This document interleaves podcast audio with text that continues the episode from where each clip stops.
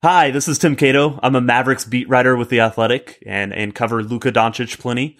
Um, you're listening to Vokarok, my favorite Slovenian podcast. Hej, Timo Katona je uletel v svet uh, podcasta Dvokorak. Tim Cato je bil tole na uh, našem uvodu oziroma intru, tokrat uh, jaz sem mogel požreti uh, lasten ego in mu prepustiti uh, tudi ta čas. Ampak uh, mislim, da se je kar splačal, glede na to, da je Vokorak njegov najljubši podcast. Vokorak. Ja, Luka, te, Luka pa... te boji vsaka izguba airtime, to je dejstvo. ne, res nisem bolijo, me predvsem intro. 10 sekund airtime in že jokaš. uh, Vse se je Pavel umiril med intervjujem, ki ga boste slišali malo kasneje, takoj ko obdelamo naš hit kotiček. 34. epizoda podcasta Dvokorak je pred nami. Uh... Uh, hudo, nekaj me je preseklo, lagano. Pa, zakaj sem to naredil? Zato, ker si mi rekel, da, da nikoli nisem med intervjujem sekal vmes, zdaj sem pa rekel, da ti eno hitro. ja, tako je. Uh, to je posebna epizoda, predvsem zato, ne samo zaradi intra, ampak tudi zato, ker smo dejansko gostili prvega gosta o njem eh, nekaj besed, malce kasneje. No, najprej pa se bomo lotili eh, teh standardnih tem, eh, ki jih venomer obdelujemo. In sicer bom najprej vprašal Matijo, Matija, kako si, kaj počneš, kako preživljaš. Izolacijo, karanteno, kaj laufaš, kaj jogaš, zdaj so že počasi meseci, taki, kaj je treba. pa dan se je podaljšal. Ja, o, spet omaž na en uh, all-time trenutek, ki smo ga skupaj doživeli. Um, kako preživljam te dni? Fantastično. Uh, s Manchester Unitedom v Football Managerju sem usvojil vse, kar se usvoji. Um, pogledal sem, karabao, karabao, karabao. Modeli karabao, vse pa se mi še pohvalil na četu. Dvojna krona. Stari štiri sezone sem tako pojedel, pa tisti, ki igrate football menedžerja, veste, da štiri sezone na menedžerju terjajo kakšen teden časa, ampak eh, je šlo to, kot bi švignil. Uh, neč, začel sem gledati novo serijo, ki jo bom po mojem gledal samo še jutri. Eh, v tretji sezoni. Ozarka sem trenutno na Netflixu, pol grem na Sunderland Tilaj Daj, ki je koša, najljubši košarkarski dokumentarec našega Tilna. ah, hvala lepa. uh, drugač pa tako, no? tudi nekaj še sprehodek skočem. Kaj pa vidva, fanta? Ja, jaz tudi na kakšen sprehodek skočim, ne? sicer sem pa bolj kot ne doma in vsak dan pridno delam, kot da bi bil v pisarni. Za božič smo doma, kva? Za božič smo doma. V bistvu, v bistvu ne, kot smo se pogovarjali, se moje življenje niti ni tako zelo, zelo spremenilo. Ja, S to izjemo, da pač se z ljudmi ne srečujem v kafičih, ampak prek Skypa. Oziroma prek hangoutov, ker so bolj stabilni. Oziroma, ja, pa itek boljši, pa bolj stabilni, stari. ja, ali pa hanga z ljudmi pod balkonom. Ne? Ali pa hanga z ljudmi pod balkonom, ko me ne napovedano sredi dneva obiše vere cenjeni, vehementni gospod Lukaš Tucin. Ker vehementni, rekel. What? uh. Uh, ja, ti, Luka, uh, če uspešno prema, premaguješ barikade, potem ko ilegalno zapuščaš. Najga, da, se zdaj, da se ne bo zdaj pohvalil Luka sam, ne? ga bom jaz. Luka je pravi dobrodelnež postal. Uh. Zdaj pa Luka kar razloži. Ja, ne, zdaj, če si rekel, da me boš ti pohvalil, kar da je naprej, se, se ti prepustim, Tilan, tebi Luka, in tvojim besedam. Luka redno uh, skrbi za ustarele, tako v te ostarele v svoji žlahti, oziroma v sorodstvu, eh, kot tudi vse ostarele iz njegovega bloka. Hodi v trgovino, babicam hodi po penzione, me zanima, kakšna je tle le marža. Če veš, pa mislim, ni procentki. Če veš, pa mislim.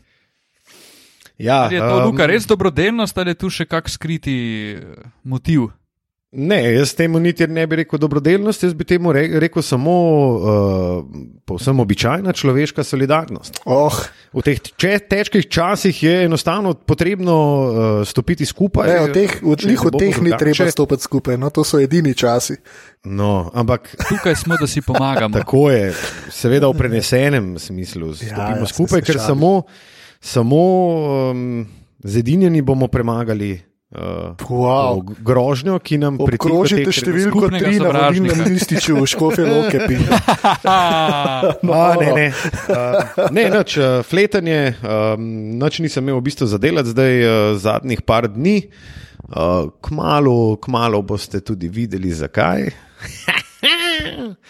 um, ah, super. Top. Zakon. Bravo. to si lahko tudi malo drugače predstavlja. Kmalo Ja, boste videli, ja. zakaj čez dva tedna pa pornjaki ven. Treba je stopiti skupaj. ja, treba je stopiti skupaj. ne. Hudo. Oh, ja. Noč, fletanje, fletanje. Um, mi da ste, ko sem malo prav fino, moram reči. Um, uh -huh. Pa tudi, če si se ti pohvalil s tem le uh, football menedžerjem, pa moram reči, da je danes uh, na Koroški ulici pozvonilo in uh, je poštar prinesel novo FIFO za PlayStation. In, Ja, ja. bravo. Kar naenkrat sem uh, iz, uh, iz FIFA 12, ki sem jo uh, fegebuzlal oziroma drmal zdaj že od leta 2012, več kot očitno. Fake je sem- buzlov. Hudo. Ja, to je pa, to je pa teja rekla, da more biti moji ekipi, kjerkoli pač eh, kakšno igrico igram, more biti ime fegebuzli. Buzli. Ah, zelo Bravo, dobro. te, še enkrat več. Propsi. Uh, tako da, ja, uh, moj, moj uh, menedžer ime, ki sem si ga mogel narediti, je bil Homo Fegebuzel. Pred, mislim, to ni noben, mislim, nikogar ne žalim ali pa kogarkoli, ampak uh, to, je bila, to je bil sam pan, intended, ki je bil intended. Tako da, ok, uh, 34. epizoda podcasta Dvokorak. Um, Tako kot ponavadi, smo začeli z lastnimi čustvi, zdaj pa gremo v hate kotiček, ki ga je tokrat za nas že včeraj odprl na Twitterju naš velecenjeni in tudi vehementni, uh, predvsem pa uh, pronicljivi. In, uh, ne, se bom nehal. Tile lamut. V, v glavnem, včeraj, včeraj je bilo objavljeno, da bo ESPN objavil uh, tale The Last Dance dokumentarc o Jordanu nekoliko prej kot napovedano in sicer uh, naj bi tale dokumentarc prišel ven 19. aprila. To je uh, dokumentarc, ki se bo odvil v desetih delih. Prva in druga epizoda 19. aprila, tretja in četrta 26. in tako naprej vsak teden do 17. maja. No, in kar me je pa nekoliko zmotilo, navdušen sem bil, ko sem videl tole, da bo bilo nekoliko prej, pa ne šele poleti. Eh, No, po pa pridemo do naslovne fotografije, oziroma ene izmed fotk, ki jih je ESPN objavil, in sicer pet ljudi je na tej fotki. Če pričakujete, da gre za pet igralcev, se motite. Uh, Jordan, Itak, Pippen, Rodman, Steve Kerr in pa Phil Jackson. In sem malo pogrešal našega pripadnika te regije, Tonija Kukoča. A kje je sem- Toni? A kje je Toni? je a? Toni, ja. ja. ja. In sem obesil na Twitter, kje se je zgubil Toni. In potem sem obesil zraven še nekoliko tako pritajeno, kot bi dejal Lukaš Tucin, ga označil in rekel, da, Kukoč, da je po njegovem mnenju Kukoč najboljši evropejc vseh časov v ligi NBA. Naj se posujem s pepelom. Malo sem te res uh, zbodel, Luka, je pa dejstvo, da si tudi v privatnem četu objasnil oziroma se strinjal, da je Dirk number one trenutno. Je Ja, malo si, me, mal si me namočil, no, grdo, ker te nisem mislil, namočil. da, da boš ti šel uh, moje, moje blodnje po včerajšnjih uh, pivičkih, potem tudi Ja, uh, javno no. obelodaniti, ampak ok. Uh, kakorkoli. Se bom, se bom držal tega, kar sem rekel, pa probo argumentirati. Seveda sem se pa že včeraj, to pa moram in tebi in Matiji priznati, sem se pustil prepričati nasprotno. Tako da je moja lestvica danes, torej 24 ur potem, ko sem jo uh, tako vehementno zapisal v naš čet, uh, precej drugačna. Uh, zanimivo. Namreč, kar sem hotel reči, oziroma končati svoj uvod v tale hate, kakorkoli, eh, je, da se je tu izjemna, izjemna debata razvila. In ogromno komentarjev, in hvala vsem, ki ste pridno dali svoje ideje. Eh, Tudi kar nekaj področji se je odprlo, ampak predlagam, da začnemo kar s tem, da nam Lukaš Tocin razkrije, kakšna je njegova najboljša trojica košarkarjev, evropejcev, kadarkoli v ligi NBA, 24 ur potem, ko je, kot kaže, sam sebe nekoliko prehitev. Ja, uh, definitivno sem se mičken prehitil in bi se strinjal, mislim, oziroma prvo mesto bi imel isto kot včeraj, to se pravi uh, Dirk Novicki. Uh, evropejski, evropejski, wow. Uh, to se pravi, MVP se nima veze.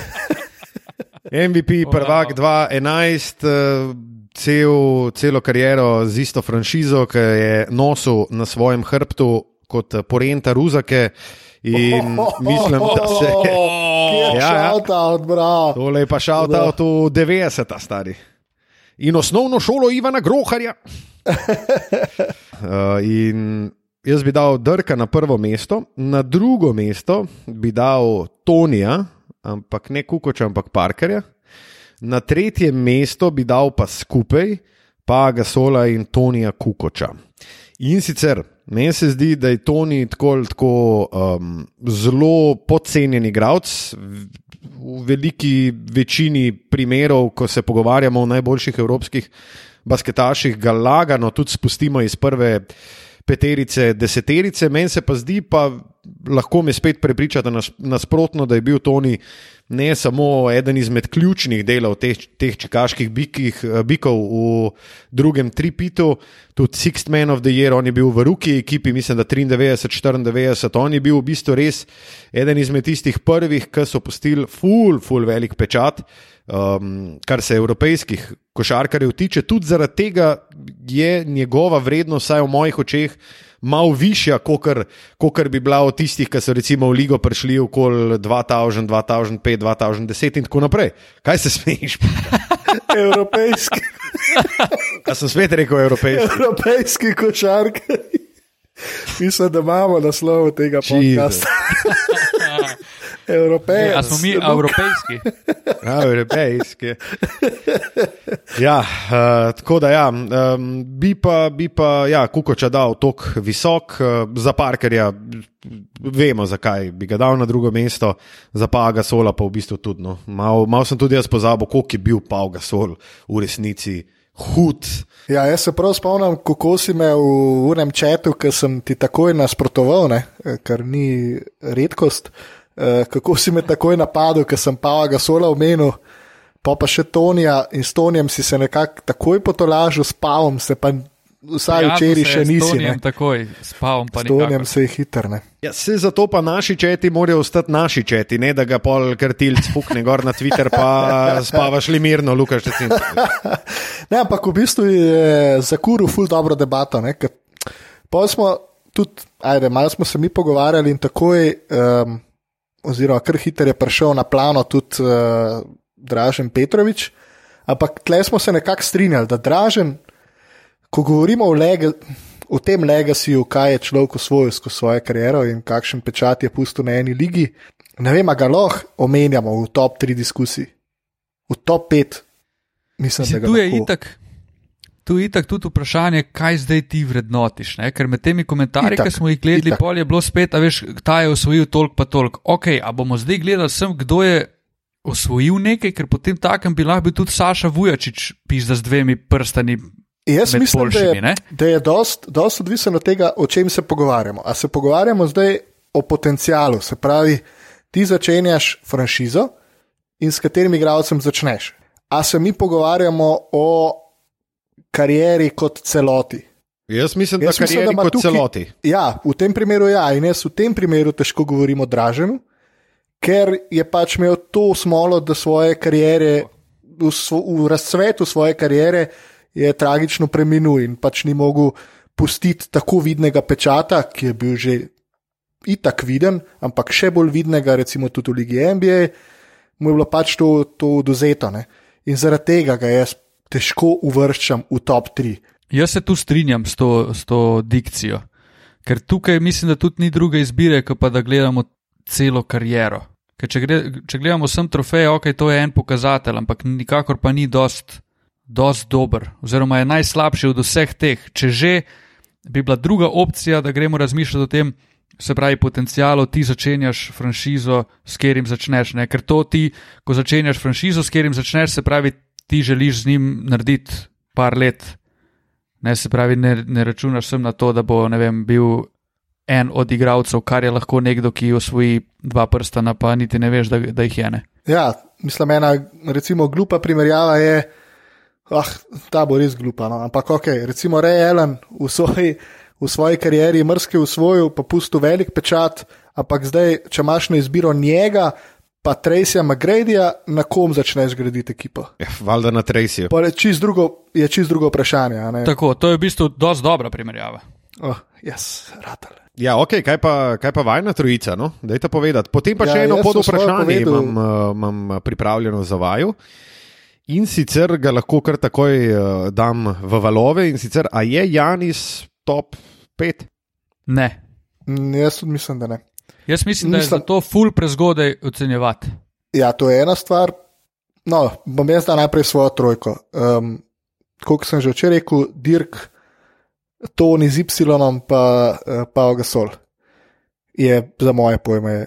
Mislim, jaz ne, ne vidim razloga, zakaj bi bilo kako drugače, ampak itak, kdo pa ne. Jaz, bi, jaz bom še jaz povedal svojo, moje je pa Dirk, Tony Parker, pa Toni Kukoč, pa ne vem niti točno, zakaj mi je Toni Kukoč tu kul, ker ga nisem, sem bil tudi še premehen, da bi ful gledal te bulse, pa nisem imel kje gledati, ampak mi je bil mojster kršev, celo njegov dresom od jugoplastike. Uh. Mi je bil res všeč, pa dosti je dosegel, bil je v tej eri s Jordanom. Po eni strani je imel srečo, da je igral z njim, po drugi strani je pa glih to, da je on bil v taki ekipi s takimi soigravci, z najboljšim igralcem vseh časov, še skozi eminenten član te ekipe, pa tudi pove, dost, da je bil velik cenjen v, v tej ligi, pa da je tudi dosta odnesel polo tega. Imel je hudo kariero. No, no se to dosti pove, pove tudi o tem, da je sreča kar velik del tega, kam zdaj uvrščamo posameznega košarkarja, ker zdaj Tony Parker je imel to srečo, da so ga zbrali San Antonijo s prsi in da je bil pripravljen biti večino časa tretji igralec te ekipe in se ni nikoli zbunil. Zdaj, eno je sreča, da ti igraš v taki ekipi, ja. drugo je pa tudi ta prilagodljivost, ki meni se zdi čist ležit um, del diskusije o tem, kdo je top 3. Um, da on ni rekel po vem, sedmih, osmih letih, Pizda, jaz pa mislim, da sem lahko prvi igralec ekipe, jaz grem pa v Šarlot odlamle 29 po tekmi in uh, zobat bučence pa v uh, playoff. wow. no, vse to je, mislim, meni, meni to predstavlja tudi neko veličino igralca. Taka poteza, ki jo je naprimer Parker naredil. Definitivno. Jaz mislim, da je to čisto. To so plus točke, kljub temu, da bi on. Ja, da bi mogoče individualno statistiko imel boljšo, številke, če bi šel v Šarlot, pa pol bučence zobat. ja, ker jaz sem to tematiko odprl še uh, kolegu Tilnu, Lovšetu, ga kršal ta avto. Um, in je pol dal eno čist ležit opcijo, zdaj dražen pa Toni za drugo oziroma tretje mesto, oziroma samo primerjava teh dveh igralcev. On bi ga v vsakem primeru vzel dražena, pred Tonijem, zato ker je dal, mislim, je bil mnenja, da jaz veliko preveč veljave dajem um, naslovom, ki jih je Toni usvojil. Premal pa temu, kako kvaliteten kot košarkar je bil, recimo, dražen. Pa da mogoče upoštevamo še, česar nismo, toliko, ne, kaj je dosegel poleg NBA. Se pravi, Toni je na reprezentančnem nivoju bil vrhunski, bil tudi MVP Evropskega prvenstva, ampak v Euroligi se pa to nja ne spomnimo, medtem ko je dražen. Vzel, okay, to, to, ta argument v naši debati ne zdrži, zato ker mi gledamo, kaj so igralci naredili v NBA-ju. Okay, okay. Juan Carlos Navarro je mogoče najboljši igralec Eurolige vseh časov, pa v NBA-ju ni mogel zdržati dve sezoni. Dobro, samo on je, on je tudi dost uh, strp še tja. Uh, bi pa jaz sam na. na... Strp. Ja, ja kar kar strpa, nor. Um, nor je bil, ampak ni bil prilagojen za stil igranja, ne se isto spanulis. Pač on je prišel tja in ni dozdal v napadu ekipi, v kateri je igral, zato da bi ga ekipa zadržala na parketu, ker je bil v obrambi taka rupa, da so ga rušili, kadar so ga hoteli. Ne. Mislim, dejansko je bil minus igralec, ko je bil na parketu, kljub temu, da je odlomil svojih 15. Se, ja, vse to je podobna zgodba, mislim, še hujša, v bistvu s Teodosičem. Pa šara isto. Ja. No, Luka, pod vprašanje. Ne, ne, ne, neč pod vprašanje. Jaz bi rad sam uh, eno stvar eh, povedal. In če recimo gledamo zdaj te štiri, ki smo jih v bistvu vsi nekako omenili, to se pravi uh, Toni, Toni, Pau, pa Dirk, ne, bi vaju vprašal, kdo je imel morda najboljši vzdevek. Zdaj, meni je, meni ima Toni Kukoč nore, nore vzdevke. Pač v najbolj znan je Pink Panther, ne? ampak on je imel Creation Sensation, uh, Natakar, The Waiter, Euromagic, Spider of Split, Cookie pa Alien. On je imel par res, res dobrih. On je imel par Oh, dobrih uh, uh, vzdevkov, recimo Tony Parker, dva, ki sta najbolj izstopala, recimo Fury, uh, French, uh, Frenchafil, ne, pa Parižen Torpedo. Parker ni imel neki, neki full, uh, neki full Ok. v redu. Ne, ni, uh, ni. Uh, Niti blizu Tonijo. Pogasol je bil Mil Ticket, IT pa Kang Pau. Um, kar je ok, drugače pa Wow. vemo, pa, da v bistvu lahko kle damo v tekmovanje samo Dirka in Tonija. Jaz bi tale Spider of Split, Cookie, pa The Waiter in Creation Sensation dal poleg Dirka, ki so mu pa v svojih časih govorili, drti. Model je bil drti. Mene je bilo najjače, ne vem, če se spomnite, ko smo gledali NBA highlighte in pol je bil en model, ko vsakič, ki je drk odlomil trico, je rekel: Ja, Dirka, Dirka." To je bilo meni tako dobro. Oh. Meni je bilo pa tudi kul, cool, ker so skozi njega, ki je kak imel tak uh, nerealen šut zadev, pa so rekli ridiculous. Ridiculous, ja.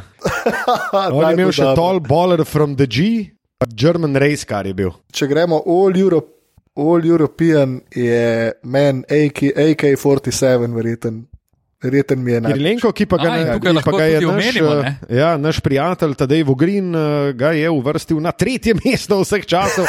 Tadej, mislim, da je od, odloži to pivo. Out. To bom rekel. Odloži to pivo. Dosti je bilo. Uh, ja, ok, potem. Ja, se je kar nekaj zanimivih igralcev pojavil ne, v tem.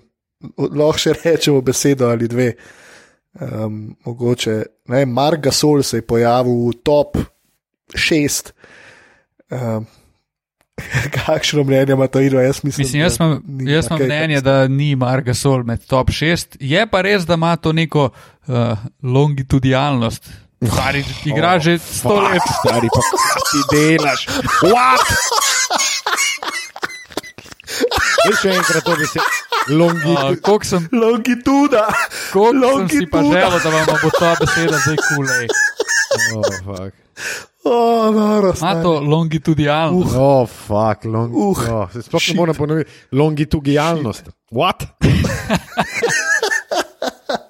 um, Oh, res je tudi No, ena Meni je Mark Sem imel drugače. v Ja, kar poje, kar poje. Pavla. ja, ampak meni je, meni je Mark, mi je, ja, sorry, no. Meni je Mark drugače No, povej. velik šef, ne? pa tudi uh, njegov eden izmed vzdevkov, zdaj, ki sem jih v teh vzdevkih, njegov je, je fantastičen in sicer Big Burrito. Ta je hud, Mark stari. G. Ah, Sam res gleda, kot borito, res. ja, Marga Sol, če tako pomisliš. a ne. Um, Jaz imam en ful zanimiv fakt, ker recimo v top 2 vseh časov je istok uvrstil Peđo Stojakoviča. zdaj. Na drugo mesto za dirkom ga je dal, imam pa eno zanimivo zadevo, ki sem jo danes slučajno slišal na enem podkastu. In sicer eh, leta 2004 v MVP votingu Ja. je bil Peđa Stojakovič, ne boste verjela, četrti pred Kobijem, mm. pa Šekom, Koliko je stari, bil hud. pa Lebronom, pa Kidom. Ja, ja. Wow, sam to. Ne, Peđa je bil svoj cajt, pa v njegov met. On je, bil, on je imel spet tako hiter izmed za tako velikega človeka, da je bilo kar neverjetno. No, se pa je bila ena ful dobra primerjava. Ne? A je Peđa Stojakovič, Klej Thompson s slabim PR-om. Uh, no, predvsem je. Aha. je, je ja, ne. Peča, zdaj bom še eno, v bistvu, ko smo bili v tej debati. ne. Kaj, Ja, ja, kar da. Ker povej, sej sem ti prepustil odr. A si ti hotel na Ne, debati? nisem Joj, hotel. pa No, dajte se ma, kušent, pa Jaz, Arka Marija. V glavnem, uh, Anže Kolbe sem tudi eden izmed naših uh, zvestih spremljevalcev in poslušalcev. Uh, mi je predlagal, v bistvu, da bi se pogovorili enkrat o tem, kdo od nekdanjih košarkarjev bi v zdajšnjem času bil dost večja zvezda, oziroma imel še večji impact, ki pa ga je mogoče imel Ah, takrat. je pa Peča na prvem predlog je bil glih Peča. ne. Vse se čist In strinjam. tu se bi mogel globoko strinjati, v bistvu. Peča zdaj bi bil, veš, kako bi on rešetal. Ja. Pa, mislim, že takrat je, ampak zdaj bi bilo pa to čist noro. Se popolnoma strinjam. Um, no, recimo, omenjen je bil tudi Dino Raža in to večkrat. Celo na, č na, četrte, na Dino, četrtem mestu je bil spet istok, ne istok je tle odlomil tako sedmerico, da sam čal. Uh, uh, ja. Uh, in vem, da je bila omenjena tudi ena njegova sezona, ki je dajal 20 plus 10, super, ampak ne vem. Uh, Marsikdo je dal 20 pa 10 v Ligi NBA eno sezono. mislim. Ma Ne, se ta debata je pol na eni točki že presegla neke meje eh, zastavljenega. Ja, res je. No, lih toliko sem hotel omeniti na par teh zanimivih shout-outov. To so bili kar zanimivi šautauti. Ja. Eh, Bi pa, fanta, še eno stvar imam.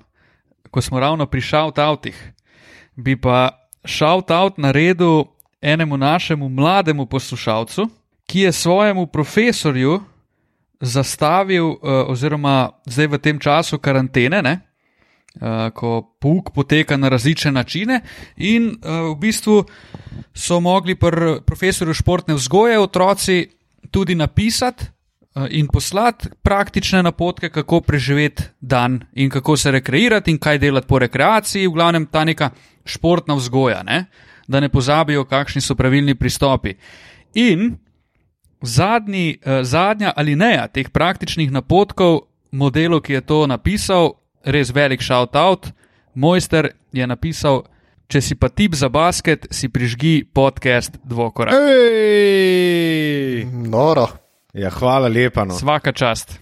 Je ben. tole pa divje, Ja. Sem dobil to in se neko moram omeniti. No. edino pravilno.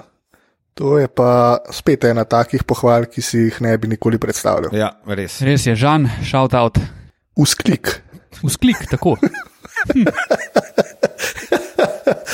Uh, hudo, ja, ne, zdaj bomo pa, jaz predlagam, da besedo prepustili najprej Luki, potem pa bo uh, besedo prevzel v večji meri Tim Kejtov uh, s vprašanji strani naše trojice. Luka vam bo na kratko predstavil uh, tega modela, kaj je, oziroma kdo je in kaj počne, tako v aparatu slogu. In eh, to je to z naše strani za tokratno 34. epizodo podcasta Dvokorak. Tim Kejtov je beat writer uh, Dallas Mavericksov, vedno je tudi oden, o, on eden izmed tistih, ki moli mikrofon pod nos Luke Dončiča in ostalih košarkarjev Dallasa. Uh, gre za enega človeka, ki lahko mirno rečemo, je najbolj upet v dogajanje, uh, kar se te franšize tiče, ima ekspertizo. Um, tako na kot izven igrišča, glede na to, da ve tudi, kaj se dogaja uh, s franšizo in uh, njihovimi, uh, njihovimi igravci, tudi izven parketa. Gre za zelo zanimivega sogovorca, ki pa je tudi pred meseci obiskal Slovenijo in z nami naredil en intervju oziroma en pogovor za The Athletic, kjer tudi piše. The Athletic pa je ena sicer plačljiva spletna stran, ki je zanimivo zdaj tri tedne med uh, tole karanteno tudi za ston, oziroma lahko, ko greste na Diatleti, kliknete desno zgori free trial. No, in uh, to je ena izmed takole najbolj poglobljenih. Uh, Športnih strani, oziroma košarkarskih strani, uh, kamor je prestopil, med drugim tudi David Aldrich iz NBA in tako naprej, in imajo res, res uh, velik nabor dobrih novinarjev. Eden izmed njih, oziroma pri vrhu, pa je zagotovo tudi Tim Kejto, mi smo ga pelali v, mislim, da Dasis Walter na Čevape, Rakijo in Pere. Človek je kar precej okajen prišel iz tistega prostora in potem spoznal neke kanačene in šel z njimi naprej žurati.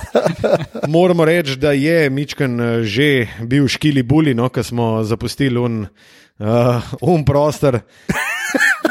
Je bil malo na luftan, no, tako bomo rekli. In, um, šlo je pa je v bistvu za en, uh, za en pis, za en zelo poglobljen članek o Ljubljani Luki Dončiću in ljudeh, ki so imeli vpliv na njega, sicer mi, seveda, tja v, v to skupino ne spadamo, daleč od tega, seveda. Uh, ampak Kako smo se mi znašli tle noter, nam še zdaj ni jasno. tako, lih to sem hotel reči. Eh, V bistvu shout out enemu izmed poslušalcev, ki nas je na Redditu izpostavil kot uh, sogovornike, s katerimi se splača pogovarjati. Tako, mislim, da je Dallas ali pa Mavericks EU, kao Evropska unija, je na, Nekaj, je na Twitterju. slogu.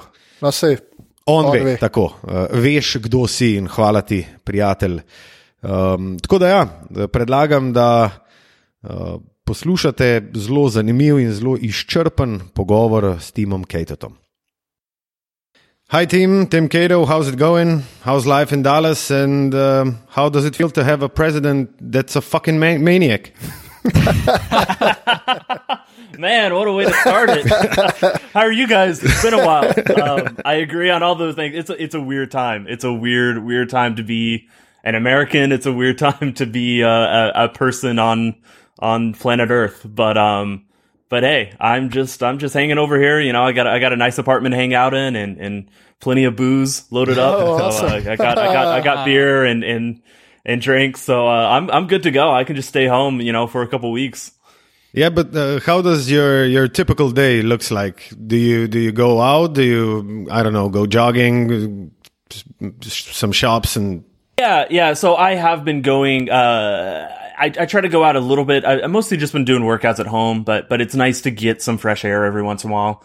Um, you know, we still have um, grocery stores. Grocers are open, and you know, I'll, I'll do restaurant takeout, and so you know, I'm I'm doing that all just driving around. You know, so that you know to to limit contact, social distancing, all those all those buzzwords that you know we had never heard of a month ago. Um, but yeah, you know, I try to do a little bit outside, and then you know, you know, otherwise, you know, fortunately, I got some nice windows in the apartment, so uh, we we get some natural light during the afternoon anyway. So wow, that's um, you know, it's That sounds nice. Uh, a lot of natural light uh, because we see Mattia in our hangout uh, video chat and it's all dark. he's in a he's in a basement or a closet or something. Yeah, so, something like that. I mean, the sun went down, and that's why I didn't. I didn't turn the lights on. But I just remembered something when you Oh, when you said you had a, an apartment full of booze. Um, so when we did the interview uh, about Luca earlier in the season, um, you put us on the spot. So you said that Thielen demands MVP awards and titles from Luka Doncic, and and when you put mine in, it was just about how we drink beer when we're making podcasts. So I hope you're drinking beer too right now because I am. oh, there you go. Oh, I, yeah, I yeah, cracked one just for you guys. The nice thing, Ah. the nice thing about it in the quarantine, there the only two times that matters. There's there's coffee time and then there's alcohol time, and so like there's like you can drink whenever. Like it's it's totally fine to have a have a beer at twelve thirty. It's twelve thirty my time. Uh, I know you know I know you guys are are you know seven hours ahead of me, but uh, it doesn't matter. Doesn't matter at all. That's awesome. Okay. That's one of the best parts of the quarantine. Yeah, I, I have to go grab some beers right now. Right. um, so, how has life been in your past uh, few like weeks or maybe a month or so? Yeah, I, I one thing I've realized about um, you know, really about my job, about the NBA, um, as someone who works in the NBA, you know, at any given moment breaking news can happen. But on a month to month basis, I know what I'm going to be doing. You know, in March, I'm going to be, you know, this season, I knew I'd be leading up to a playoff, you know, race for the Mavericks. In April, I, I was pretty certain, you know, they would be in a playoff series. And, you know, by May, maybe early May, they're still playing a few games, but by, you know, mid May, you know, realistically, the Mavericks would be out. And then June would be the draft and July would be summer league. And to have that all of a sudden just stopped. And it's just like i have no clue what's happening in my life. I don't know you know where i'm going to be in a month. You know probably probably here at home quarant- quarantining that's for sure. But you know like i used to have all these trips planned out. I knew i would be you know i think right now uh it's wednesday. I think tomorrow i would be flying to phoenix for their game against the suns. Um or maybe maybe memphis i think i'd be flying to memphis right now uh, and they would play the the Grizzlies tomorrow. The Mavericks would have, and I had to cancel that trip and you know cancel my flights and. Now we're just at home, so it's been an adjustment. It's been weird, you know. It was weird the night that it happened. Where were I, you? I, I, I was so they had a game that night. Um, the, actually, the last NBA game played. They were actually the they were actually finish. playing, right? Yeah, they were playing. It was the it was the uh, maybe two minutes into the third, Yeah, yeah, yeah. In the second half, Um, when the when the news broke that and then the one late game on that night, uh, they didn't play it. The the players were like, "We're not going to play that," so they postponed that game too. So the Mavericks actually played the last game of the season. It, it might be it might turn out, and they won. So you could say they won the last game of the season, they're champions. if they don't play any more games, you could you could say that. Yeah, you could. Um, Yeah. you shouldn't. uh, but yeah, it, it was weird. Um, it was full of people. You know, they it, it seemed very quickly that the next day they were going to stop allowing fans to go to games. You know, the next day or two. yeah, that was clear. But until Rudy Gobert tested positive, it it it didn't seem like immediate that they were just going to cancel. You know, postpone the season. I should say they, they haven't canceled it. yeah, So yeah, it was very sudden. It was very surreal. What was your initial initial um, I don't know how to put it uh, reaction when uh, Rudy Gobert was tested positive? Because we know that he he was like goofing around at the press conferences, touching all the microphones and uh, goofing around with uh, his uh, players, his teammates. What was your Right. initial reaction to, to, to the shenanigans of Rudy? Well, as soon as I saw it, I knew, okay, season's over. Uh, I think I tweeted season's over. We'll see if they end up, you know, salvaging games. I know they want to, but I wouldn't be so, I, I was, even in that moment, I, I figured, okay, it's, it's probably, that's the last of the NBA we're going to see this season. But, um, as far as the Rudy Gobert stuff goes, it doesn't seem like, you know, obviously it was uh, pretty immature of him to be messing or joking around like that. Uh, you know, a lot of us probably didn't take coronavirus seriously in, in the, in the initial weeks leading up to that moment. Um, nothing, nothing Rudy did to me that I saw publicly seemed that bad, you know, like he didn't, you know, he skipped the game. It's not like he was, once he started feeling bad, you know, he, he, you know, stayed in his hotel room, did all these things. Um, but I will say, if Donovan Mitchell is mad at him, and Donovan Mitchell is probably mad enough to leak the fact to to Woj that oh I'm pissed at him like maybe he did do something wrong there. So you know I don't know I don't know the dynamics but the fact that like Woj like his first tweet was like oh and th- there's some you know there's some issues in the locker room that they're gonna have to take care of. Um the fact that he tweeted that you know like the the night of or maybe the next day I I kind of was like, huh, like somebody told him that, and the fact that it it escalated to that point, you know, maybe maybe there was maybe Rudy was you know just being an idiot about it, just a just a dumbass. So, you know, it, it, I do like that. You know, I do appreciate that he apology uh, apologized, and you know, somebody had to test first, and I think it was you know good for sports that everybody kind of got the wake up call. Oh, we got to stop doing this. yeah, that's uh, Um, but yeah, That's actually a very, very interesting point that you pointed out about uh, actually Donovan leaking to Woj about the, the stuff going on with Rudy. Uh, because we were talking about that in, uh, I think, our previous podcast or the one before. We were talking, I, I think that Luca was the one hating the, the tweet of Woj. Like, uh, Luca, I think you, you said that it's not appropriate for Woj that he kind of used the moment to tweet like that, it, that it, he shouldn't do that. Yeah, yeah, because he's, I mean, the only thing good from it is just the information, nothing, nothing more. Because it's, it, it's kind of, it's kind of bad for the chemistry, for the team, for, I don't know, persons individually to, to, to, to say, yeah, it's, I mean, it's bad in the locker room and what now? You should just report that he has like COVID 19 and that's it. Nothing more. Not like, yeah, it's, it's bad. It's, I don't know, something wrong. I think that that is not his, his job. I don't know. I think my point was something like that. Yeah. Yeah, I, I agree to an extent. I mean, if you if I, I think it depends on what he was told. If he was told, "Oh, this is like a serious, this is really an issue," then I guess I like I like he's obviously the number one newsbreaker in the league. I guess I trust to some extent that if he tweeted it, then it must really be an issue. It must really be a big deal. but I, I agree generally. If if there was just like you know if if he just heard oh yeah you know Donovan was mad that he did that you know eh, there's there's levels to it. So I, I don't want to I don't want to you know I, I don't I don't know what Woj knew. I don't know what he was told. Um, I, I guess because I do have a level of trust in him, I assume that it actually was somewhat serious. Uh, but I agree. If he's just kind of spreading rumors or hearsay or or just like you know somebody remarked as a as a joke, you know, oh, and Don, you know, and Donovan's pissed about this. Like, yeah, obviously that's not something to report. So it's interesting. I guess it's it's a situation where he's you know he's been so reliable breaking news that I assumed it must have really been serious if he said it. Um, and if that turns out not to be the case, then I, I think that you know I, I, agree with you, Luca, that that he was probably you know uh, probably could have left that unsaid. Cool. So uh, what can we uh, now maybe talk a little about uh, a little bit about the different scenarios I was reading, uh, or does anyone has any questions left about the the Rudy Gobert stuff, or uh, as Luca would put it, shenanigans? no, no, no. it's a it's a good word in English. What's what's the closest Slovenian ro- word to uh, to shenanigans? Neumnosti. No, it's uh, peripetie, maybe. Ooh, nice. Uh, shenanigans, yeah. Nice. Um, Okay. So yeah, Dylan, you told us uh, that you read something about uh, different scenarios, how to close out the the season.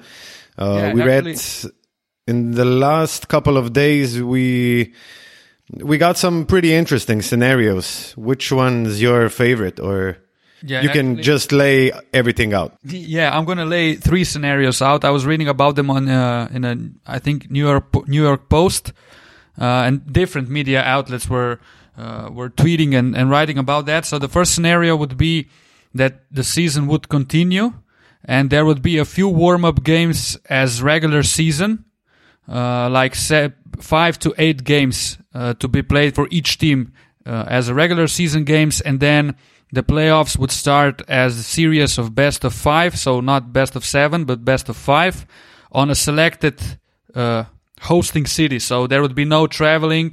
There would be like maybe two cities, um, one for the west and one for the east, and they would play all series in one city, being quarantined in a hotel and just playing games, of course, without fans. And those cities uh, mentioned were Orlando, Vegas, Atlantic City, Hawaii, and Louisville. So that was Hawaii, wow, Yeah, but Hawaii, that would that would be really Yeah, crazy. Hawaii is probably the most logical logical uh, venue to have because in Florida you had like thousand new cases there, so I think Orlando will be will be left out. I don't know about Atlantic City, Right. but it's probably just a gambling city like like uh, like Vegas or something. But on Yeah, the East it's Coast, right by it's right by New Yeah. York. Yeah, it's yeah, it's right by New York, so that probably won't. Work. Yeah, and Midwest was uh, the Midwest region of the states was mentioned as a as Kansas, Kentucky, stuff like that were mentioned also. So that was Right. the first scenario. We go to a few regular season games, and then the playoffs start with a series best of five, not best of seven. And the second scenario was uh, like maybe the worst case scenario that the series would be played in a, straight to the playoffs, and there would be the series for only one win, so best of one. Whoever wins goes up, and the season is over in what ten games, something yeah, like that. But is is that on neutral um, venue or is it like I don't know in Milwaukee yeah, or Los neutral. Angeles? Yeah, uh, neutral venue. Uh huh. Okay. For so the third scenario, they That's- were that's just retarded, was- Yeah, that's crazy. Yeah. stupid. It doesn't make sense. I, I I don't know if this one makes sense for anyone having just one game in a series. I, I don't know if that's okay. Yeah, so the- that's that's that's a that's a non-starter for me. Yeah. That's just you can't do that. Yeah, in my opinion. So the third scenario was that the games are cancelled all the way through the season, and there's no NBA uh, this season. So uh, for now, I think I'm gonna let it all to you. What's the what's the rumor uh, in the states? What's what are the actually the chances of anything happening? Either it's the canceling of the whole season, or maybe some short regular season and then to the playoffs. Different uh, scenarios. What's your take? yeah, I still think it's most likely that that they end up canceling the whole season. Shit! You know, it- Wow. Sure, it'd be. I know. Come I- on, I mean, man. that's Be just like- positive, man. Come on. well, as we led the podcast off, Trump's a fucking idiot. But also, like, this, is like, like he's he's been projecting this idea that it's not important, it's not serious. He's finally treating it seriously after a month ago saying it's just the flu. Um, just it's crazy how much he just contradicts himself all the time. It's just like lies about stuff, and then just like a week later has a different take. Oh no, I didn't mean that. You said it. Like we can we can go back and listen to it, but um, the other problem is that like we have so many, you know, obviously, obviously, you know, the, you know, the U.S. is made up of states and all the different governors, like some of them are treating it seriously, some of them are not. So there, there are places like Florida that haven't done the lockdown, haven't done a complete lockdown. Uh, even though, you know, here in Dallas, I, we've been quarantined for, for two weeks. So, you know, I just don't think that we have, I don't think we have, as a country, have had a consistent response. So I think it's only going to keep getting worse. I don't think we're going to recover and be okay in in you know a month. I think it's going to be a a drawn out thing. That's my concern. The one the one interesting thing I've heard is that the NBA has thought about starting the season around Christmas time in, in December and letting it go into the summer. So, so kind of changing, like they've thought about doing this just in general, even before the pandemic, before coronavirus. And so maybe they do start the season, like resume the season in August resume the season, you know, whenever it's whenever there's time and still do the shortened stuff where, you know, they do a few warm up games and then some best of 5 series and maybe you can even make the finals best of 7. Um, but that that would allow obviously that would drag so late into the fall that you would have to start the season later. You couldn't start it in October again.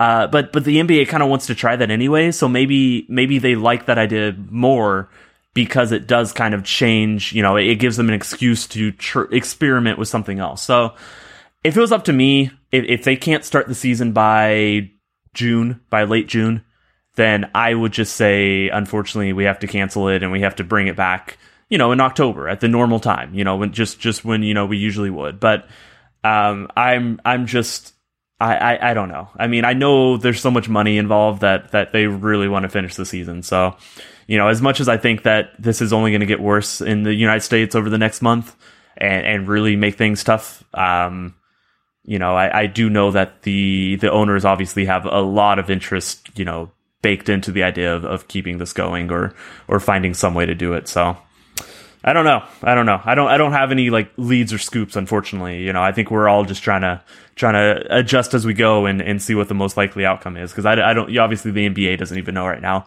A lot of it does depend on how well this you know we as a country adapt to uh, to coronavirus over the next couple months. Yeah, for me, especially the the money part and the owners part, and their say in this decision kind of. Uh, sheets some positive light for me uh, regarding the right. uh, season continuing this year. So I think it will continue at some point, but we it's tough to tell when and in in what scope. Uh, I was a little bit surprised in your take that that probably the season is over already. So that, that's quite interesting to hear it from a guy that it's uh, is very close to to the the whole scenery there. Right, right. Yeah, I mean I'd rather I'd rather see games again, but if if it if it comes at the expense of a very weird season next next season, you know, I, it's I don't know how much that's worth it to me personally. So it's interesting yeah, that uh, Mark Cuban said that uh, NBA could be back mid May or early June, but that's like the yeah, most no optimistic thing he ever said, and he said some optimistic Luka, things over the years. When did he when did he say that? I think about two weeks ago. Oh, because there, there was a Bleacher report was just uh, releasing today that he said that there is no idea in the NBA when the games will continue. Yeah, so he probably like, got that, that idea when he was talking yeah. with every owners and GMs and, and such. But um, it's interesting because NBA in generally, like you said, Tim uh, wanted to to um, to get the season from Christmas to August and that's probably because uh, NBA is I don't know competing with NFL because of the ratings, and if they would have the season from Christmas till August, they will they would compete only with I don't know baseball, right? The NFL for a little bit, but a but a lot less of the time. It would only be like the playoffs and the Super Bowl. So yeah, it would they would mostly be competing with baseball. Yes. And what baseball is like third biggest sport sport in America. Yeah, and and they have so many more games that it's hard for any baseball game to be like the event. You know, usually like an a, a marquee NBA game would take precedence over baseball, which is just kind of always on. So you can always watch it if you want. Whereas, you know, obviously NBA games, you know, only show up so often. You know, at least less often than than say baseball. Um, I just wanted to give it give you my take on the whole situation. So, uh, why I do understand um, your take on season maybe being over already is it's probably going to be hard because the teams will need like a couple of uh, games just to get in game shape um, then they'll probably need some serious games to get ready for, for the playoffs. And your take that it's probably gonna take a while because all the different countries in the US is um, reacting differently to all to this situation. So it's probably gonna take a long, long time to resume the season. This could drag out a long, long way till like I don't know August, maybe September. Um, in one way, it would just be a good excuse for the NBA to start the season in December, which sucks in my opinion, but it would probably be a good, uh, good, good, um, starting point for them to, to, yeah, to start like that, to, to just, uh, have season after the, or in the end of the football season. Yeah. Um, so I, I kind of do understand your, your take on it. Yeah. I was, I was treating this whole situation a bit too soft in the beginning too. I said like they were going to be playing in three weeks time, but, um, the, the virus hit US, the US soil a bit later than I thought. Right. Right. Yeah. I think that if you have a, if you want to have a regular season next season in October, there, I don't think you can play more games. You have to cancel it. But I, I do think that there is a chance that you push the season to December. The other thing to consider is that even even if the NBA is able to play some games, you know, do these, you know, everybody's in two cities, you know, some teams are in one city, some teams are in the other. We're we're playing in at neutral site. Uh, you you would probably have to play at a neutral site, and because I don't think that you're gonna, I don't think fans are gonna be allowed at games until maybe December like even if you did start the season in October, there still may be restrictions on how many people you can have in one place. Um, so maybe in that sense, it makes sense to start the season in December. You know, maybe that's another reason why you do want to push off the regular season that long. Because if you started the regular season, next regular season, uh, in October, like you usually do, it wouldn't be regular at all. Like you still might have to go without fans for a while. So, you know, maybe, maybe there is some value the NBA sees and you know, if, if, if we, if we abide by our normal calendar like we usually do, then things are going to be weird anyway. So let's just start the season later. Let's try to get in these, you know, this, um, almost tournament style, you know, uh, double header actions where you can have, you know, multiple teams playing on multiple days.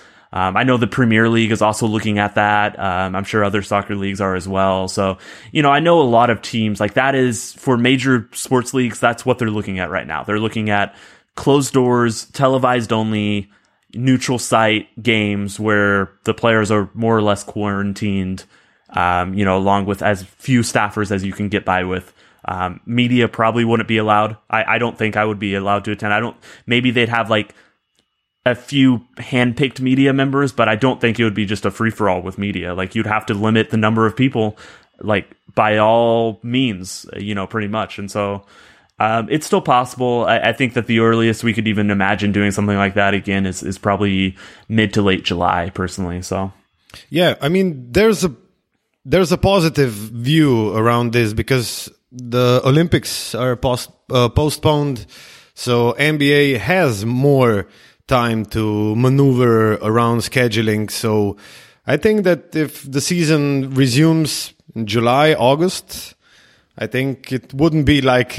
Yeah, but that also could mean problems for the NBA because if they want to push the start of the season to December, then you probably can't have the whole season until the Olympics start. So Do you lose the Olympics with the US team or? Yeah, if you if you start the season in December, so the season then lasts for what Till August. July or August, and that's also the, the Olympics will be from 23rd July to August 8th. Yeah, but okay. So the Well, dates are set, this- and, and that would be- that's- that, that would be an be- issue.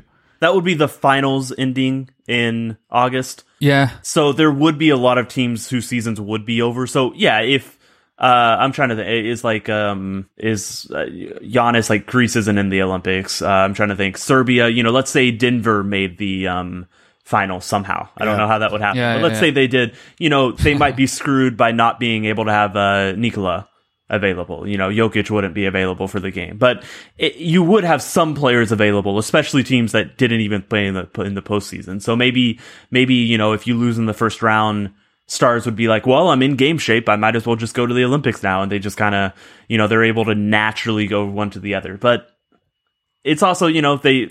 The, the players are paid by the owners for the NBA, not the Olympics. So I think at the end of the day, the uh, the NBA owners are more concerned about their money than than uh, you know adjusting to the Olympic yeah. schedule. I I think this actually one the, time. Ser- that, that I think that the Serbs would be screwed because Nikola would be in the finals playing for Denver and not Serbia Right. in the Olympics. So it would be the other way around. I mean, but we would be screwed as well as, as as fans of the game also because you lose the the dream team of the tournament. So Right. are we going back to pre ninety two with uh, college teams and guys from Europe and stuff Well, like that? Well, the weird thing, and I'm just like I'm just putting this together in my head, is that you could have NBA playoff games and Olympic games with some NBA players going on at the same time. You know, you could have NBA players who have been eliminated Crazy. playing in the Olympics for their countries. While, you know, maybe the same night, I mean, it's in Japan, so different time zones, so different times, but, you know, maybe the same day, there's also a playoff game. That, that would be, that would be insane. Um, Probably, yeah, probably not going to happen, but that would be insane if it, if something like that did happen.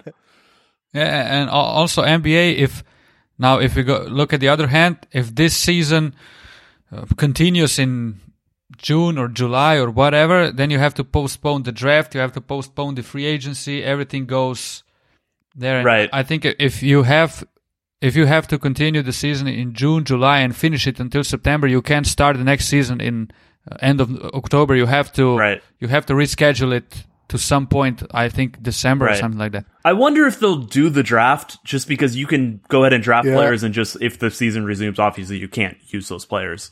But it's possible that they would do the draft just because if nothing else is happening, you know, you can do it. But do you do draft draft evaluations for I don't know for just for like Dallas or do you do draft evaluations for the Athletic Uh, in a general? little bit, yeah. I'm not. I wouldn't consider myself a draft guy, but around draft time, I you know spend some time and, and mostly I just talk to people who are smarter than me who actually do care about this stuff, and I tell people what they think Dallas should do. So Yeah, but still, how how how does that look like right now? Because it must be pretty hard evaluating guys when basketball stopped in March. Yeah, I mean, there's still a lot of video on them, so you know, it's not like I would, I personally would be going and seeing people in person. So for for me, it's pretty similar.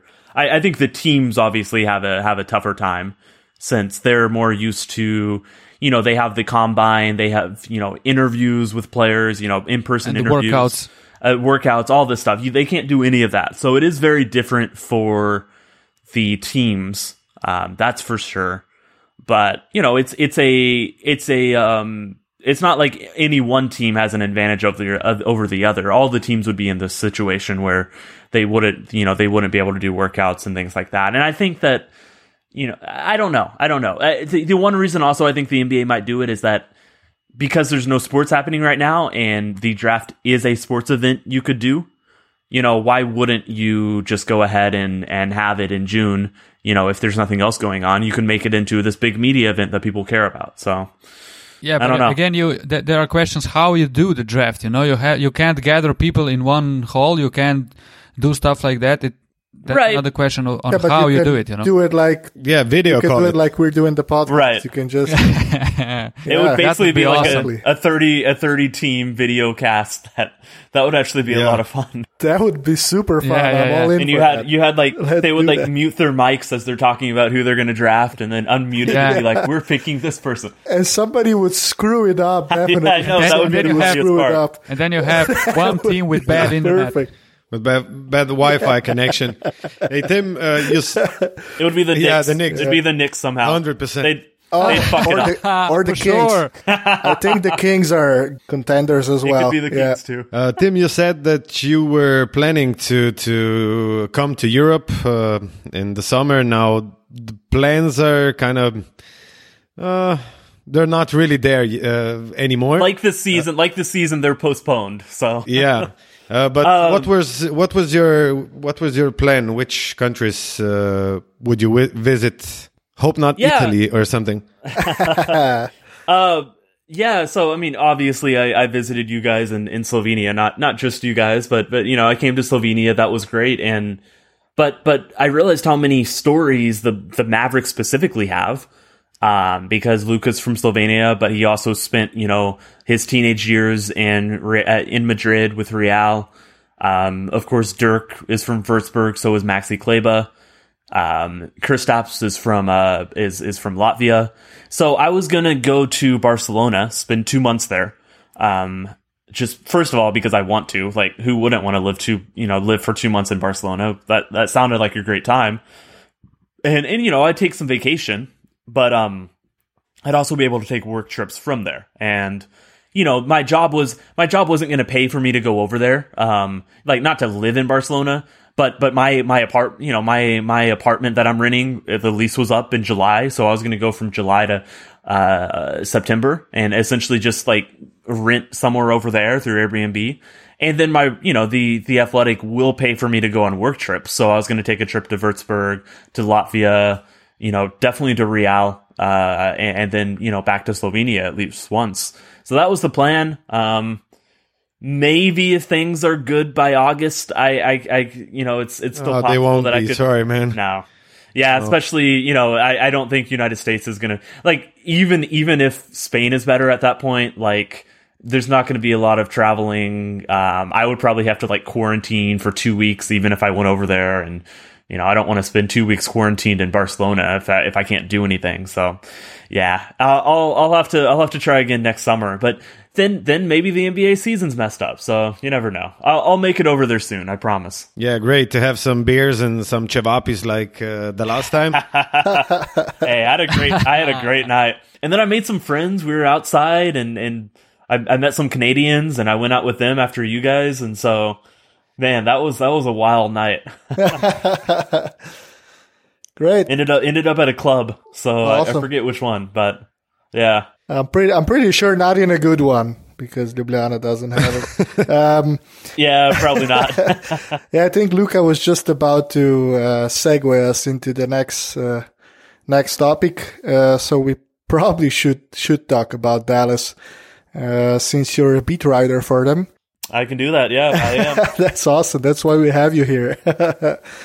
um, so, how did you see the the regular season going for Dallas? Uh, we were all surprised here in Slovenia. I think none of us three gave Dallas a chance to get into the playoffs. We said they're good, but probably not there yet. But they obviously are. Yeah, we, we were all like, we were talking about that during our Chavapi and Rakia and beer time. So we were like, okay, they, they we all want them to get in, but when you looked at at the West, it was tough to imagine that they're gonna do it in such swift fashion. And actually, it was hard to imagine that also Luka's gonna play that well and be in the MVP discussion in his second year. And that's that's uh, I think our these are two stuff that we would really like to you to comment because we were kind of surprised that Dallas was doing so well, even though they were not doing so good during the last couple of months. But all in all, they are in the playoffs at the moment, so that's a positive thing for them. I didn't think they would be this good, but you know, I thought it was possible. So, you know, I thought they would be a little bit worse. That was what I expected. But I thought it was possible they could be this good. I also thought it was possible they could be a little bit worse than I expected. And it turns out they ended up, you know, on the high side of, of my expectations. So I'm not, I wouldn't say I'm surprised, like shocked. I am, I, it's not what I expected, but I, I did think this was possible. Um, I, I didn't think Tim Hardaway Jr. would be as good as he was, and I think that's that's been a huge part Yeah. of, of their success this year. Uh, I. I also didn't think Luka would would break out the way he would. You know, I thought I, I think I might have told you guys this. Like I thought he could have pretty much the same stats he did in the second half of last season, but be, be Yeah, more, we're talking about that. yeah, but be more efficient, make more shots at the rim, improve his three point and fr- fr- uh, free throw percentages, and he'd just be a better player that way. You know, maybe you know play a little bit better defense. And turns out he's like you know a top ten player in the league now, and that you know, and maybe top five, like like pushing top five, um, and and even you know, and, and definitely in the MB, MVP conversation as well. So. You know that's it's uh neither of those things Hardaway or or Luka's you know just insane improvement was what something I was something I expected, and that is probably the biggest surprises and the biggest reasons why they were able to exceed what I was expecting for them. But it's been fun, you know. It, it, this team makes a lot of sense. It's like I, I think it's really well constructed. The roster is, you know, all the all the pieces kind of line up together. And the one thing to remember is that they were trying to lose games the last few years, and that Rick Carlisle he almost always gets more wins out of a team than you would expect. And the last two years, they had actually uh, won fewer games than you would expect. Like, you know, if you look at all the advanced stats and stuff, usually they're able to say you probably, like, an average team would have this many wins. In the last two years, they had like three or four less than that. And this year, they have like three or four more than that. So, you know, that's Carlisle, you know, really coaching to win again. And then Luka, you know, being as good as he is. And then Hardaway, I, I think, is probably the, the other biggest surprise. And so the combination of those things has, you know, really turned this into, you know, what was a really fun team. Whether we get to see them again, this season was a lot of fun, I think, when they were Is- healthy at least. Is Rick Carlisle the best Luka coach in the NBA, or would some coaches be better with uh, um, with guiding a young talent like Luka? Um, I don't think Luka needs a lot of coaching. He doesn't need someone to get in his way. I would actually say Rick Carlisle is one of the best coaches, but whether he's able to build that long lasting relationship with Luka will will pretty much determine whether, you know, he's the coach in, in five years. And I, I think that he's done a great job of it so far, to be clear. Like he is he has done a really good job um, you know, developing that relationship. Um, I published an article a couple weeks ago about, um, you know, the, just the, the scouting process that went into finding Luka initially and then scouting him as he kind of became more famous and, and a bigger draft prospect. Um, and then, you know, just his rookie year, you know, kind of the, the learning processes. And, and Carlisle did, you know, I, I guess feud or fight a little bit, you know, in a, in a basketball sense. He, he fought a little bit with, with Luka. But as he started realizing how good Luka was, he was like, all right, you can make some mistakes every once in a while. I'm not to, I'm not to yell at you because this is like part of how you play. And I understand that now. So I think he's done a really good job adapting to Luka. But, you know, I still wouldn't say he's a player's coach. Um, he is definitely, you know, he can be hard on players. He can definitely be hard on point guards. Um, he is a very good coach, but he is not, you know, he's not going to suck up to his players. And if Luka gets pissed enough and wants a coach that does something like that, it's a lot easier to find a new coach than it is to find a, you know, new six eight, you know, point guard superstar wonderkind from Slovenia. Let me tell you that. So, you know, that's, I, that's I- impossible.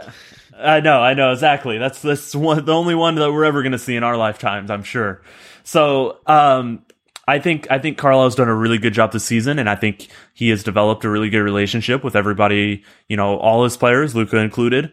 Um, and and I do think that it's it's something just to to keep an eye on because if if uh you know I I I think Rick's close. You know, give him a few more years, some deep playoff runs.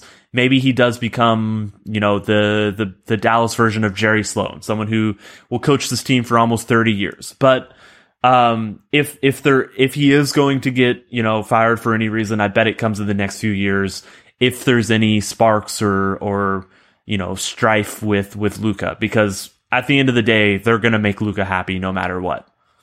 Um, Yeah, what? Go ahead, Mattia. Go ahead. did you have a question about Luka? I'm having a different topic. So if Uh, you I have a Luka just, uh, question, go ahead. Yeah, I wanted to question Tim. What do you think? If you look at the perspective that okay, we all want Dallas to to grow every season. You know, if this season was uh, like being a little bit better, maybe surprising someone to get into the playoffs. What does Dallas need for for them to continue improving going forward? And if you if you think of it uh, you said that in the next two years it's gonna uh, a lot of things gonna be on the shoulder of Luka and also Carlisle how they're gonna mix up.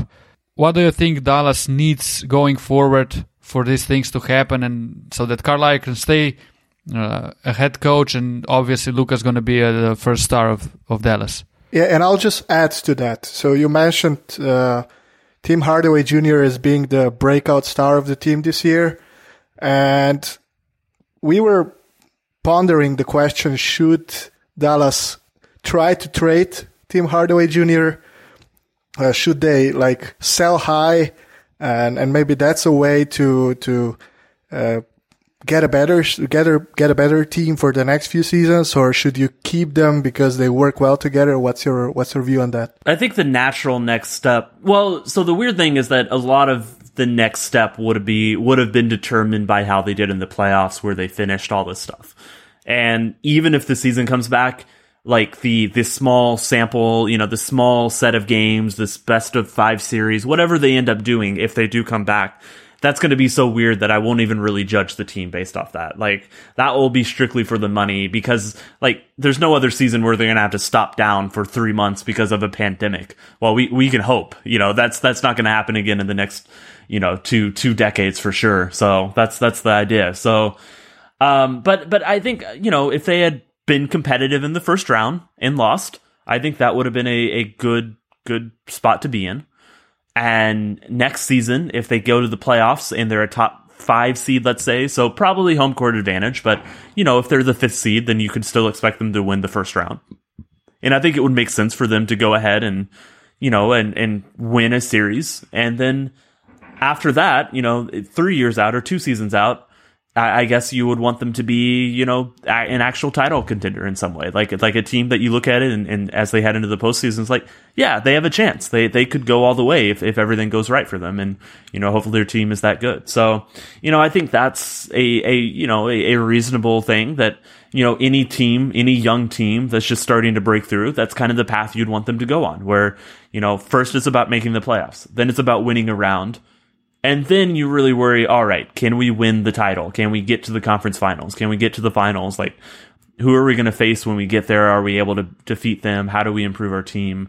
And I think the Hardaway question is, is exactly like, how do you improve this team? Is Tim Hardaway the best third star you can have? The answer is no, of course. You know, there are definitely better third players, third stars you could have. I mean, you could you could have a player who's offensively better than Kristaps, and Kristaps could be your third option, so to say. Um, that's all possible. I don't think that's necessary. I, I think that Luka and Kristaps can be the best two team, but the best two players on a on a championship team. Um, but but you probably if, if they are, you know, maybe you're going to need a better player than Hardaway, and Hardaway fits amazing. You know, just his ability to like he doesn't really need the ball until he has the ball like when he's shooting it. You know, he doesn't need to take a lot of dribbles each possession. You know, his his uh you know his ability to shoot has been you know just really really impressive and and you know kind of kind of unprecedented. And that's also something to remember. Like you said, like maybe it is selling high if if you did try to move on from him um now because he's never shot this well before. So, you know, it's like you kind of think about it and it's like is is this just who he is now? Is he just having one really good year? You do have to think about that.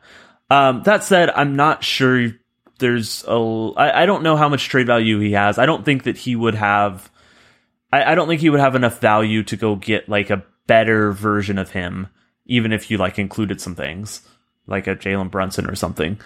And I don't know if there's another player that's on his level that would fit better than him.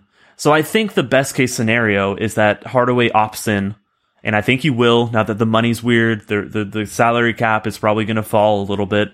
Um, so he could opt out and try him try to you know get a big free agency deal, but I don't think there's going to be a lot of free agency deals on the market because of how weird everything is with the pandemic.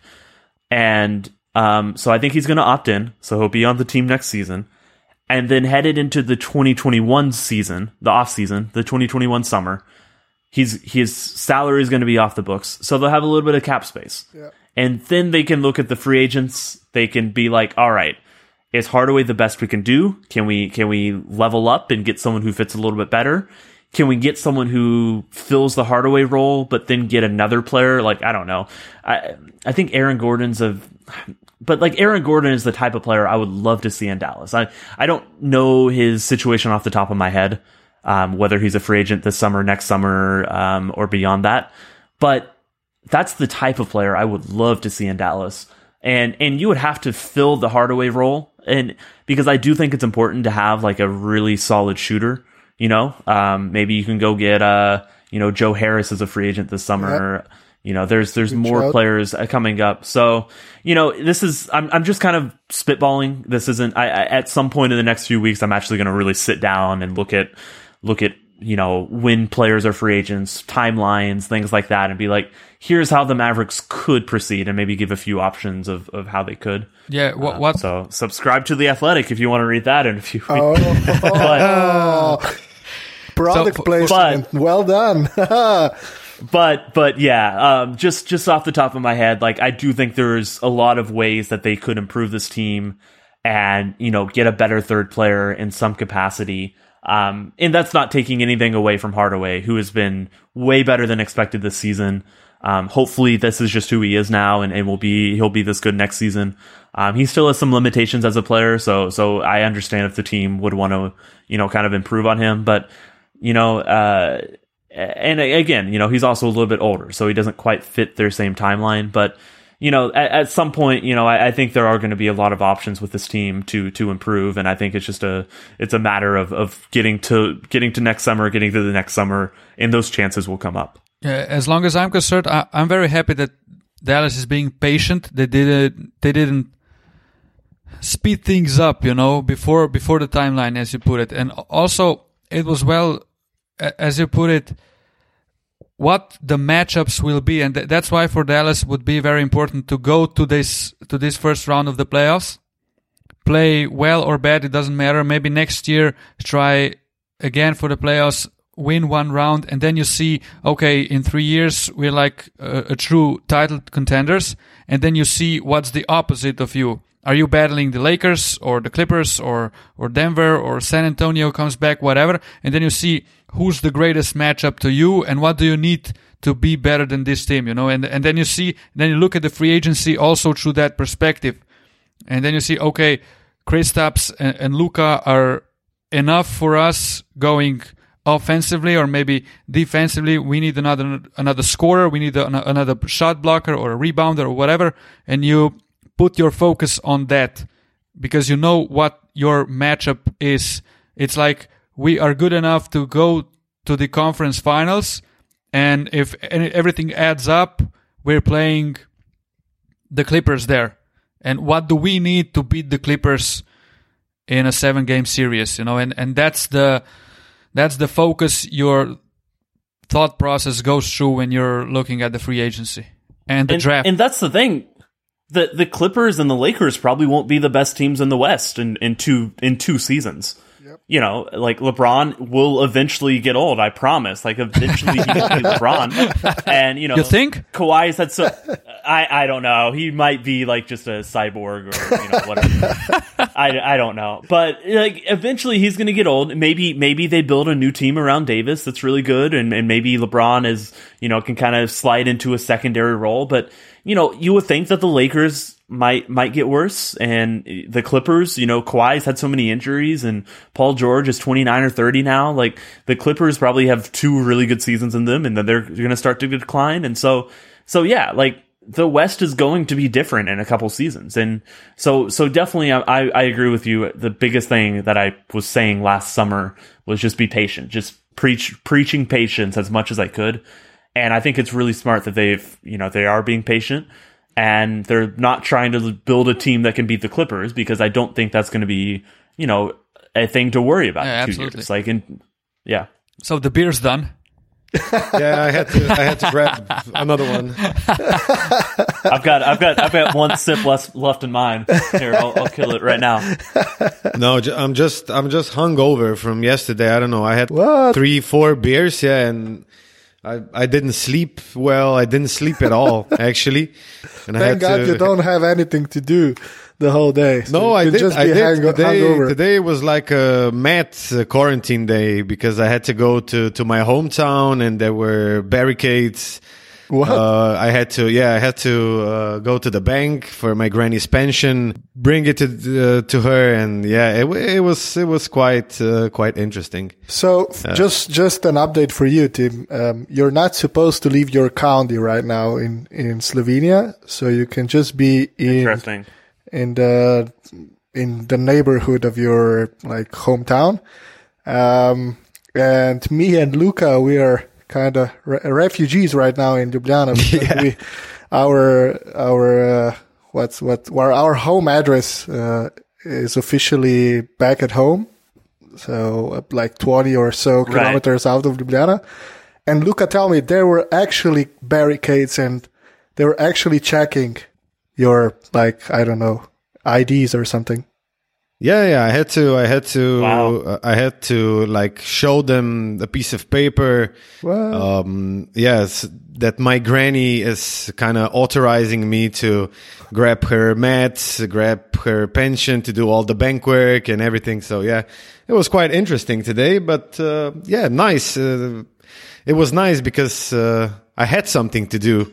Um, so If, yeah. if it if if if it was like that over here in the U.S., we might have games in in May, like Cuban once, but it's not. People are still like the beaches are still open. People are still like idiots. Just uh, I don't get it. People are still playing five on five five on five basketball. Yeah, I And, saw like I get it. Like I love basketball too, but come on, guys. Like read the news.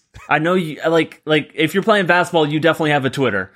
Like like you definitely have a Twitter and follow the NBA that way. Like Yeah. I know you're seeing these updates that you shouldn't be out there. So it's it's just frustrating. Uh, I saw some days from Miami, a spring break, and there were Yeah. a lot of people on the Oh. beaches, and Udonis Haslem was freaking out about this.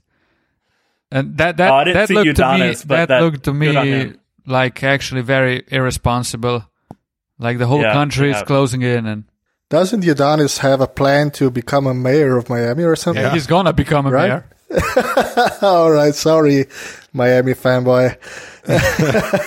no, it's interesting because Udonis went to high school in Florida, went to, to college, College. there, played whole pro career in Miami, and now he wants to be in the city council or maybe Kevin Johnson, Yeah, uh, like Kevin Johnson of Oh, Miami. that's right. Yeah. yeah, in Sacramento. Uh, okay, uh, Tim, uh, another question about uh, Luka Dallas in this se- season. How did you see the early the um, the connection between uh, Kristaps and Luka? Uh, because it was, I think, the first couple of months of really viewing or seeing them connect on the floor. How did you see it, and uh, were you satisfied with what you saw? Yeah, I liked it. I thought I thought Kristaps got better over time, and and I think that's what you would expect from you know a player who spent 19 months away from basketball, and so the the the partnership with Luka, you know, wasn't as good at the start, you know, and and I thought there's I thought it looked okay, you know, I thought that Luka was finding him for the right passes at times, and and Kristaps just couldn't make shots, and so. Uh, but I thought as time went on, I thought those two looked better together. Certainly, Chris Kristaps, of course, looked better. Um, now, you know, there there was some a little bit of concern that some of Kristaps' best games came when Luka was injured, but I don't I don't think that's that weird. And I do think that in the last five or six games that they they were finally playing together again. You know, in in March, right before the season got postponed and I thought they looked really good together in, in those games and, and just like they were starting to understand each other where they liked the ball, you know, where what, what they wanted the other guy to do. And just Kristaps was, you know, finding his way into the offense a little bit better. And even if that does mean a, a few mid-range jump shots, you know, I, I, think he started the season trying to trying to post up and shoot mid-rangers just like he did in New York. And it, the Mavs, you know, gave him a, a little bit of a leash. And they're like, all right, you can go do that. And you're going to see it's not going to work that well. and it didn't work that well. And, and they realized, um, you know, okay, I'm going to play the way Dallas wants. And then over time, you know, I think he's added a little bit back, you know, a little bit more of that New York Kristaps. And so he's never going to be New York Kristaps like he was, you know, uh, with the Knicks uh, that that last season. I don't think that's a good way for him to play in Dallas, yeah. not next to Luka. Like he was the best player there. He had to take those shots. He doesn't have to take those shots, you know, those really tough mid-range shots here. Um, a few of them here and there when, you know, he's got like a, a six foot guy, you know, who goes up to like his waist. Like, okay, you can take those, but, um, but yeah, no, I think, I think they really started developing a good pairing as time went on. And I'm, I'm excited to see those two keep playing games together because I think, I think, I think I saw a lot of exciting stuff. So that was my problem with Chris, Kristaps when I was watching the Dallas games. When he has a much smaller guy on him, he cannot post him up. He cannot get to the rim. He usually just, like you said, he's uh, on his hip and he just turns around and shoots it. You should dunk over that guy. I mean, you're 30 centimeters higher than him. So, so my theory is that um, he's so tall that his center of gravity is too high. Like literally, like like when he goes to bump someone, like he's bumping like their like their chest, like their their pecs. I'm not I'm not even kidding though. Yeah, like you think true. about it, like yeah. he, his his body is not set up to just like power through somebody, and he doesn't have like weight like Shaq did or weight like Boban does. Um, so I agree. Like it's weird seeing a seven three guy not being able to you know dunk over a, a six two guy. But, you know, it's okay. Like he's still a really effective player in a lot of ways.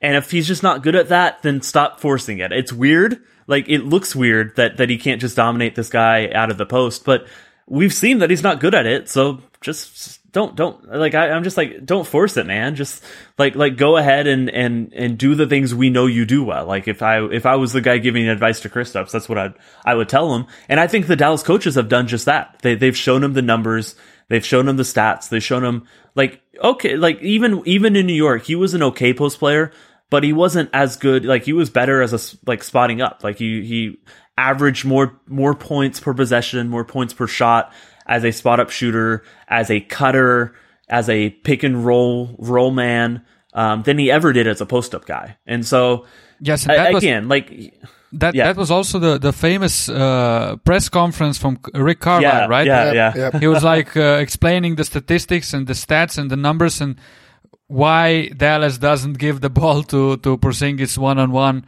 right. back against the rim and stuff like that. And actually, it seems like a legit point. Right, it doesn't fit Kristaps' game. I, I think that he was even saying that it doesn't fit the modern NBA. That yeah, the modern yeah. NBA offense can just get better shots than the post up will ever get you. Like yeah, and clogs think, and like, clogs the the paint for Luka's drives and stuff like exactly, that. exactly, exactly. Like if you think about it, how many how many post ups end up with layups? Like even like think about like the '90s when Hakeem Olajuwon, like sometimes he would get like the the dream shake and just or a or a um uh, the drop step and like the, mm-hmm. the dream shake drop step and he had a layup right at the rim. But that was like every, you know, five or six or seven possessions. Usually it's a jump shot, a hook shot. Um, and the Mavericks offense is really good at getting layups. And the layup, of course, is the best shot you can take. And the second best shot is, is probably the corner three, you know, because you get the extra point for it. So the Mavericks offense is really good at getting layups and corner threes and, and open threes. And the post up doesn't get you those shots. So sometimes Luka does it. He usually passes out of it, but sometimes, you know, he'll take a shot here and there to keep the defense honest. Um, again, it's okay for Kristaps to sometimes take it. If he's got, you know, a short guy on him, you know, sometimes he can shoot right over and it's it's like it's not it's like someone isn't even contesting him. I'm okay with those shots mixed in a little bit. I will say I talked to an analytics guy at the Athletic on, on my own podcast, and he was like, eh, "I'm not even sure about that." So I I'm fine with those shots, but analytics people will even tell you that's a bad shot. Um, or or not a bad shot, just not the best shot you can get. That's the thing. It's about getting the best shot you can get on any given possession. So, um, I I th- I thought it was really cool that Carlisle kind of ranted like that. I thought he you know did a good job explaining his his whole uh his whole argument and and kind of you know why we you know why the team feels that way and and why people you know who who look a lot into the analytics feel this way.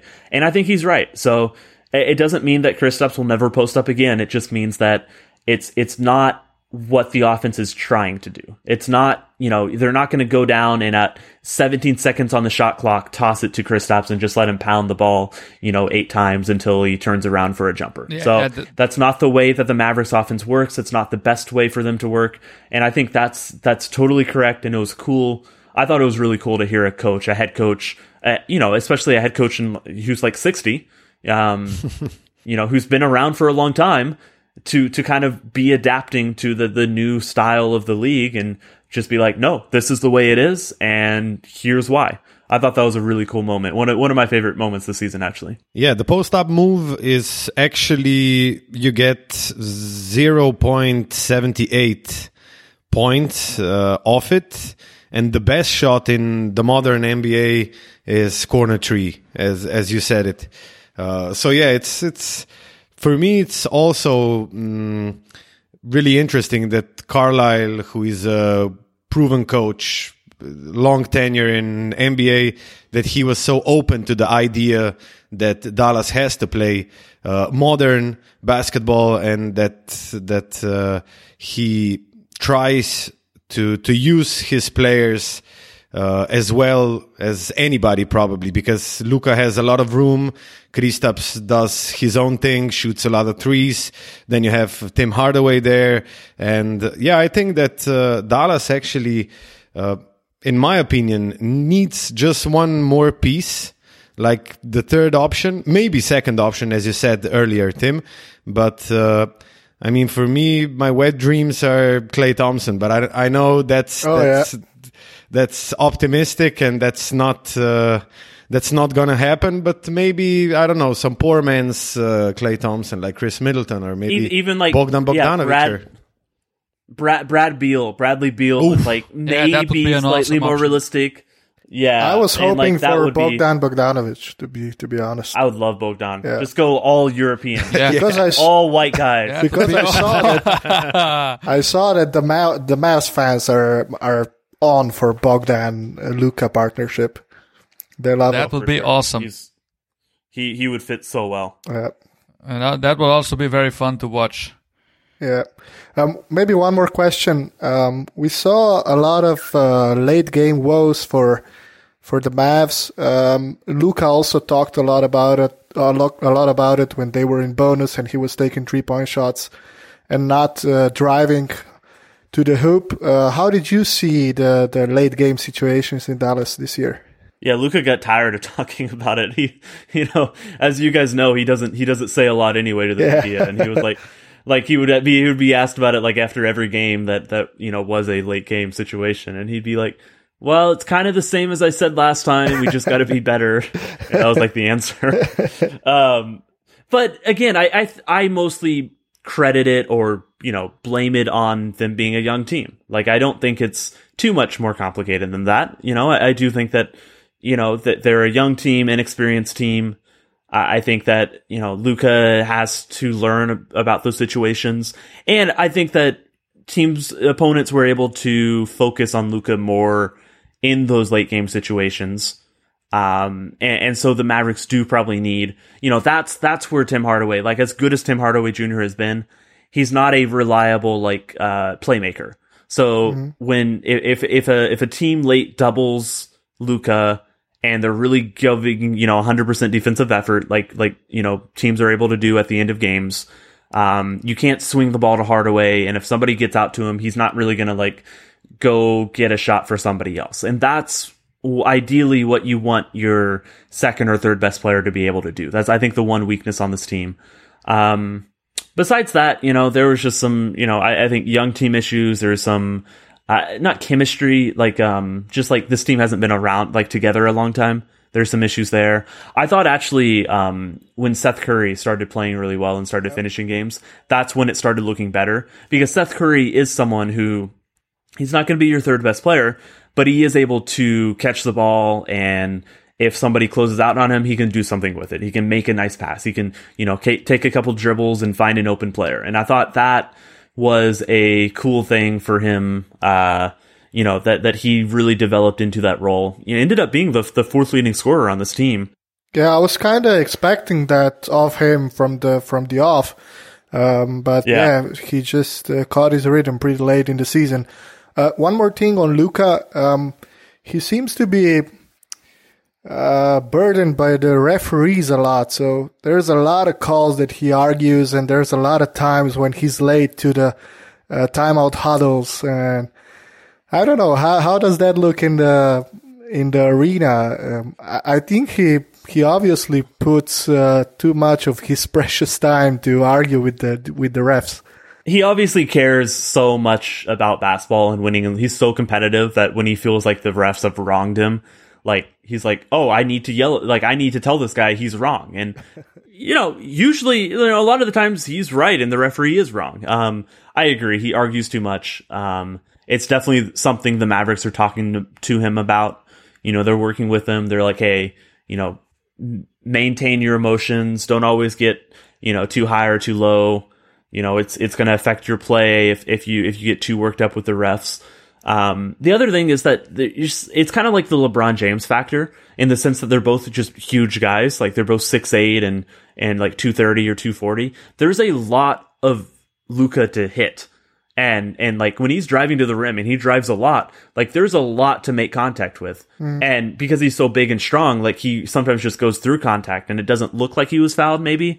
Um i, I know again lebron has this problem a lot where it doesn't like if it, if it was like you know the same amount of contact on a six foot guard would immediately be a foul but basically because it's lebron like it just doesn't even really look like one so i think he has some of those same issues um, he does get a lot of free throws like luka goes to the Yeah. line you know uh, Yeah, a lot. I think nine times a game. So it's not like it's not like he's being completely disrespected. I do think he will get more calls because you know every every player starts getting more calls as time goes on. Yeah, I think So- that's one of the things that he demands more respect at this moment. He he probably thinks they should show more respect to him. Right. from the, the referees, I mean. and there aren't there aren't many examples of a twenty year old twenty year olds ever being this good. So, Exactly. you know, it's almost like it's almost that I can't even blame him that that Yeah. a 20 year old isn't isn't all necessarily mature enough to you know take a bad call and just adjust to it, um, like a 25 year old might be.